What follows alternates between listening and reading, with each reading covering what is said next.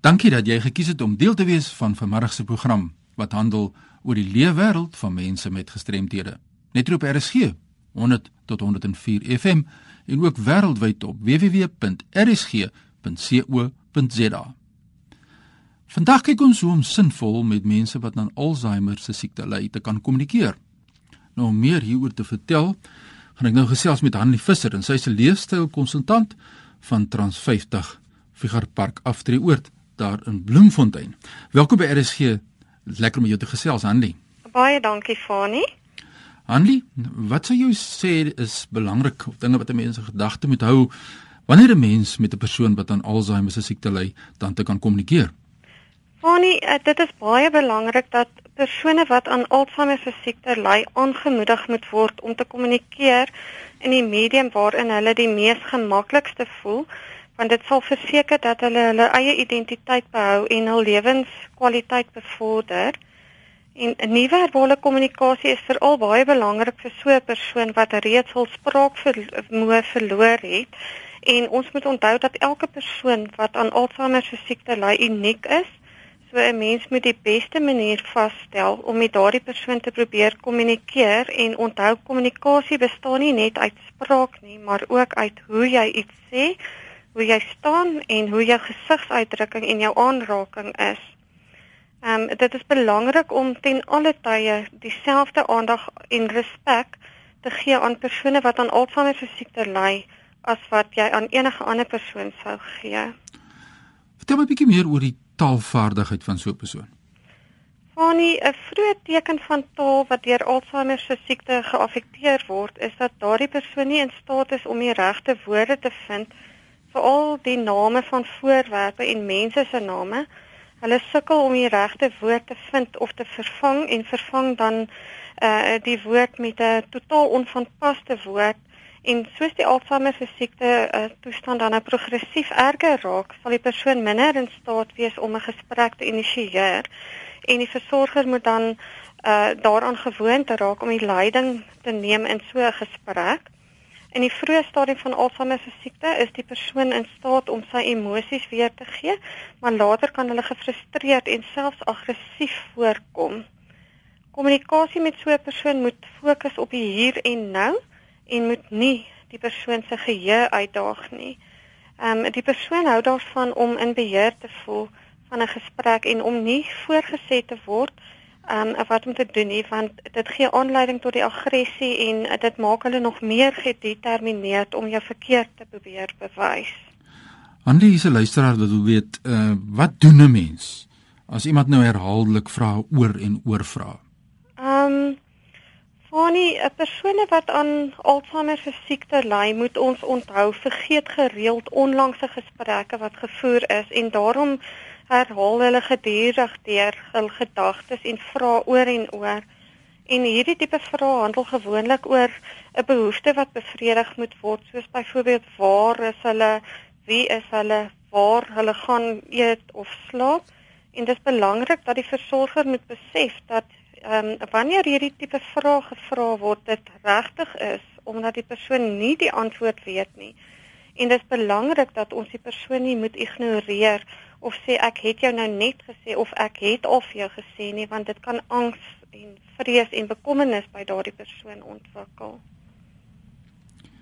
As 'n mens nou kyk na voorstelle wat jy kan maak van jou kant af uit wat jy nou gesê het as 'n mens nou hierdie proses wil bevorder en vergemaklik. Fani, ehm um, ons moet altyd aandagtig luister wat so 'n persoon vir jou probeer sê en probeer om 'n persoon aan te moedig om met jou te gesels en ons moet nooit 'n persoon verkleineer nie.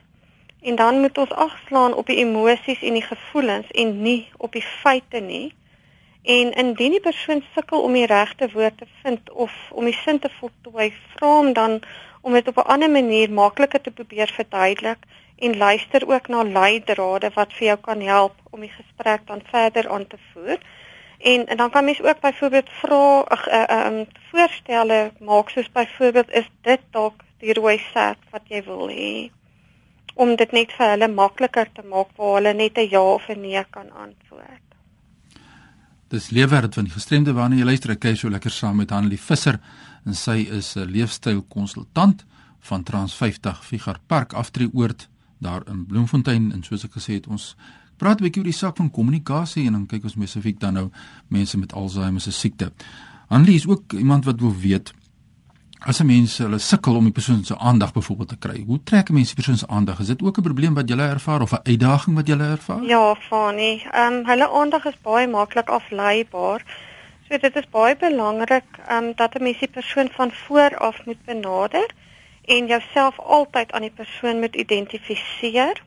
En ehm um, ehm um, mens moet altyd probeer om die persoon se aandag op jou te vestig voordat jy met die gesprek uh, begin.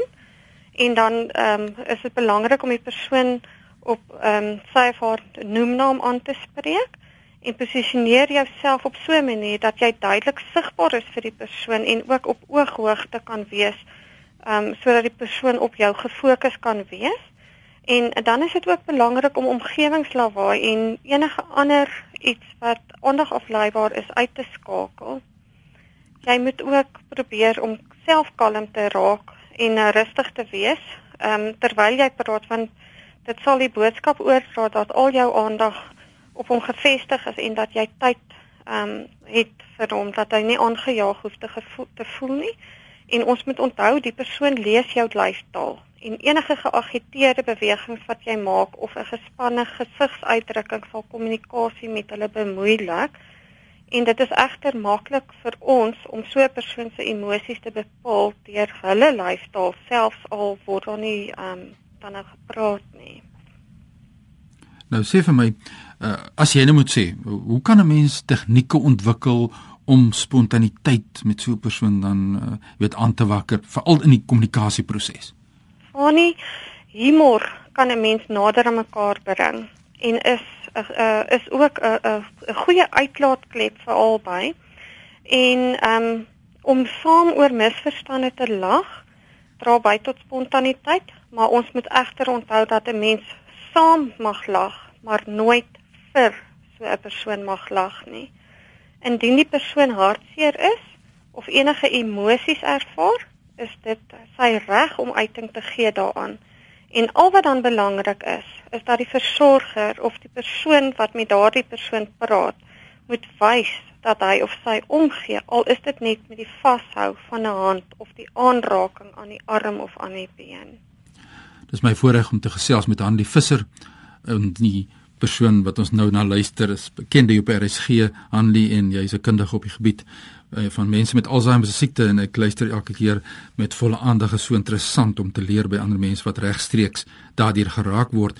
Die belangrike aspek wat iemand ook vir my sê is dat verwerping mense voel afgeskeep veral in die kommunikasie proses, jy weet mense as daai spontaniteit is nie meer net daar wat jy vooroorgestel sit nie. Maar wat kan 'n mens doen?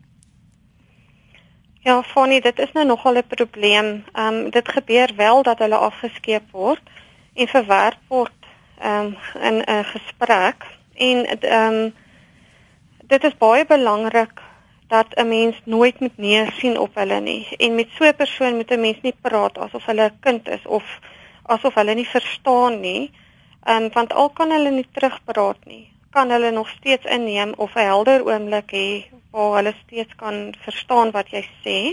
En ons moet altyd probeer om die persone steeds in sosiale gesprekke te betrek tussen ander mense.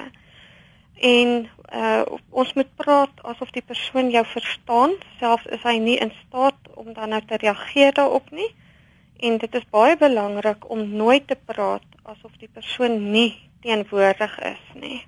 Ja, dis so belangrik. Hulle moet altyd deel voel van die gesprek. Ja, dis so belangrik die goue reël van die mens eerste en dan sy of haar gestremdheid of verlies wat die persoon ervaar. Dit is so belangrik wat jy sê Hanlie. Ja. Is daar eksterne faktore wat jy gou vinnig nog vir ons kan noem? Ons program staan einde se kant toe wat kommunikasie beïnvloed?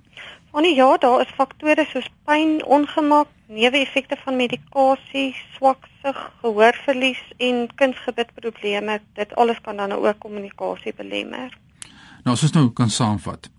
Watter boodskap sê jy of gee jy deur vir die gemeenskap vandag? Wat sou jy wil hê mense moet weet of doen of nie doen nie?